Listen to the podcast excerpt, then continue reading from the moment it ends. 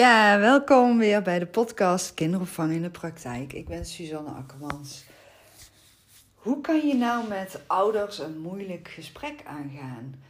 Uh, die vraag die, uh, kreeg ik pas geleden gesteld en ik dacht, oh, dus ook wel leuk om hier een korte podcast over op te nemen.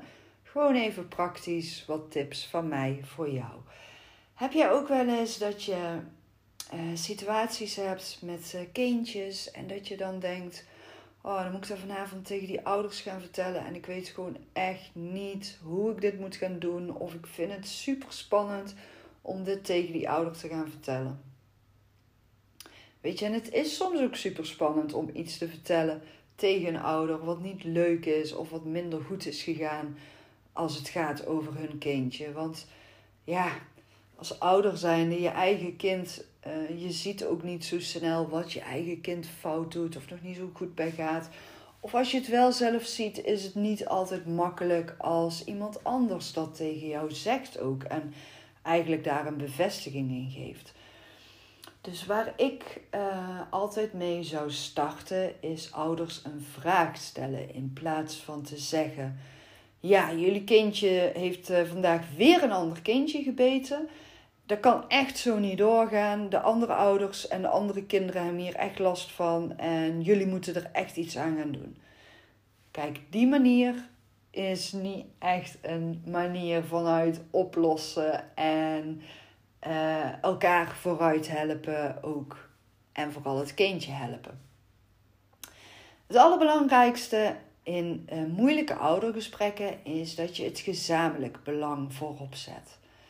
Dus het belang van het kindje. Eh, dat het met het kindje goed gaat. Dat is in jullie belang als pedagogisch medewerkers, als kinderdagverblijf.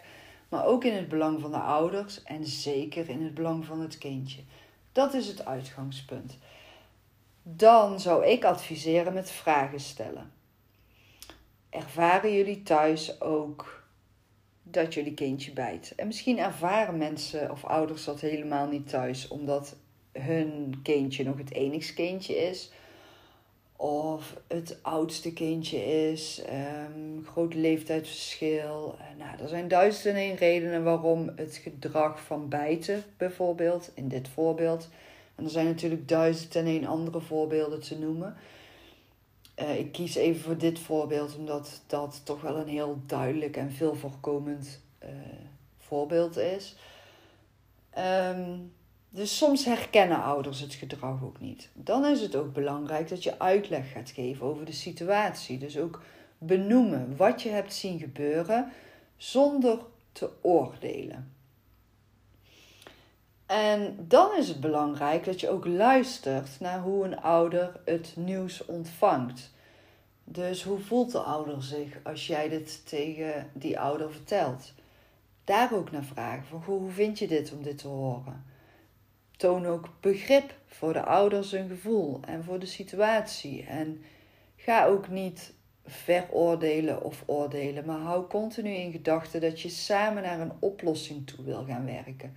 Voor alle partijen, alle betrokkenen. Um, vanuit begrip ook voor het gevoel kan je dan ook gaan vragen van goh, ik hoor dat je hier thuis geen ervaring mee hebt en ook niet dat jullie gewoon dit zelf nog helemaal niet herkennen bij jullie kindje.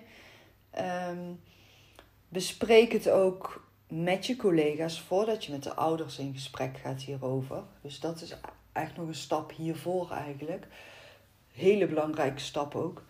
Uh, dat je ook met je collega's erover hebt gehad van oké, hoe kunnen we hier het beste mee omgaan? En ga ook observeren welke situaties zie je het bijtgedrag voorkomen hoe uh, ontstaat het bij het gedrag? Dus wat gebeurt er in die situatie en wat zie je ook vooraf gebeuren? Is een kindje moe? Is een kindje overvallen door andere oudere kindjes die afpakken misschien? Of is het kindje juist een van de oudere kindjes? Uh, hoe is het met de spelmaterialen? Heeft het kindje nog voldoende uitdaging? kan je het kindje helpen stimuleren in zijn, in zijn taalontwikkeling, maar ook in zijn sociaal-emotionele ontwikkeling. Ga het uh, gedrag en vooral de emoties die een kindje laat zien benoemen. Ehm, en ga daar ook met ouders over in gesprek van, weet je, we zijn uh, ook gaan kijken vandaag en de afgelopen week. En uh, wat zien we gebeuren bij het kindje? Uh, wat zien we in de groep gebeuren? we hebben dit geprobeerd, we hebben dat geprobeerd. We benoemen het gedrag, we geven positieve aandacht en we proberen ook echt het negatieve gedrag uh, te negeren voor zover dat mogelijk is ook. En we proberen het kindje bewust te maken van de effecten op de andere kindjes, de gevoelens, de emoties.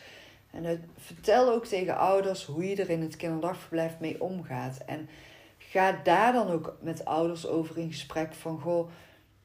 Uh, mocht het thuis in een thuissituatie of bij vrienden, mocht je het wel gaan zien, dit is hoe wij ermee omgaan. En uh, gaan ouders ook vragen stellen? Ga er dan ook met elkaar over in gesprek? Vraag ook aan ouders van, goh, zou je het prettig vinden als we hier een apart gesprekje voor inplannen, zodat ik ook echt even alle tijd voor jullie kan nemen hierin?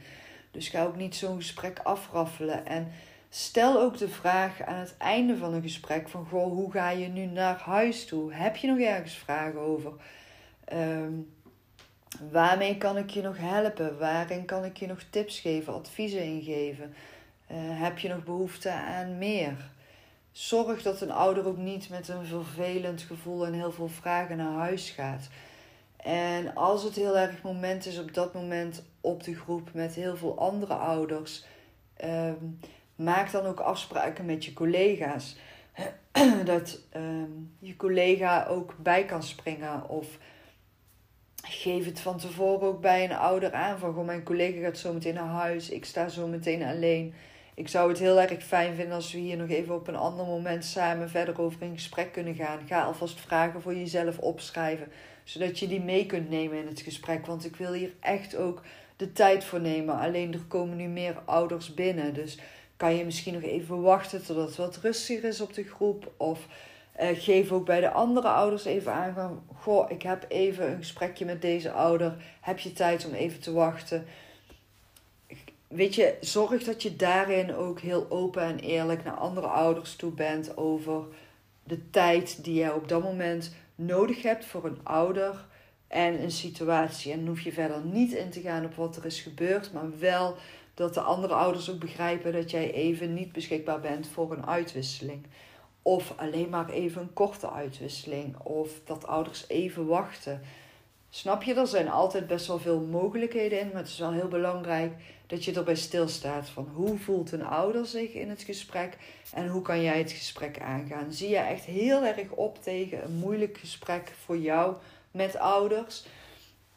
Zorg dan ook dat je van tevoren advies vraagt bij of je leidinggevende of de pedagogisch coach of bij je collega's. Nou, ik hoop je vandaag weer eh, geïnspireerd te hebben met nieuwe tips en mogelijkheden om in gesprek te gaan met ouders in de moeilijkere gesprekken. Ik wens je een fijne dag vandaag en graag tot de volgende keer. Superleuk dat jij naar een podcast van mij hebt geluisterd. Ik heb er al meerdere opgenomen en misschien heb je er al meer geluisterd, misschien was het de eerste.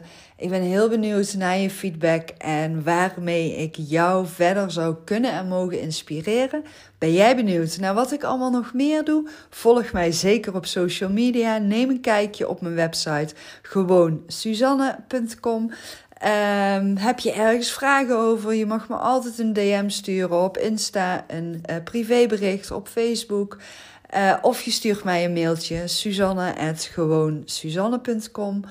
Uh, mijn naam is uh, Suzanne met S-U-S. Dus als je mij gaat googlen, let dan even op dat je mijn naam goed spelt. Ik wens je een hele fijne dag en dank je wel voor het luisteren naar mijn podcast.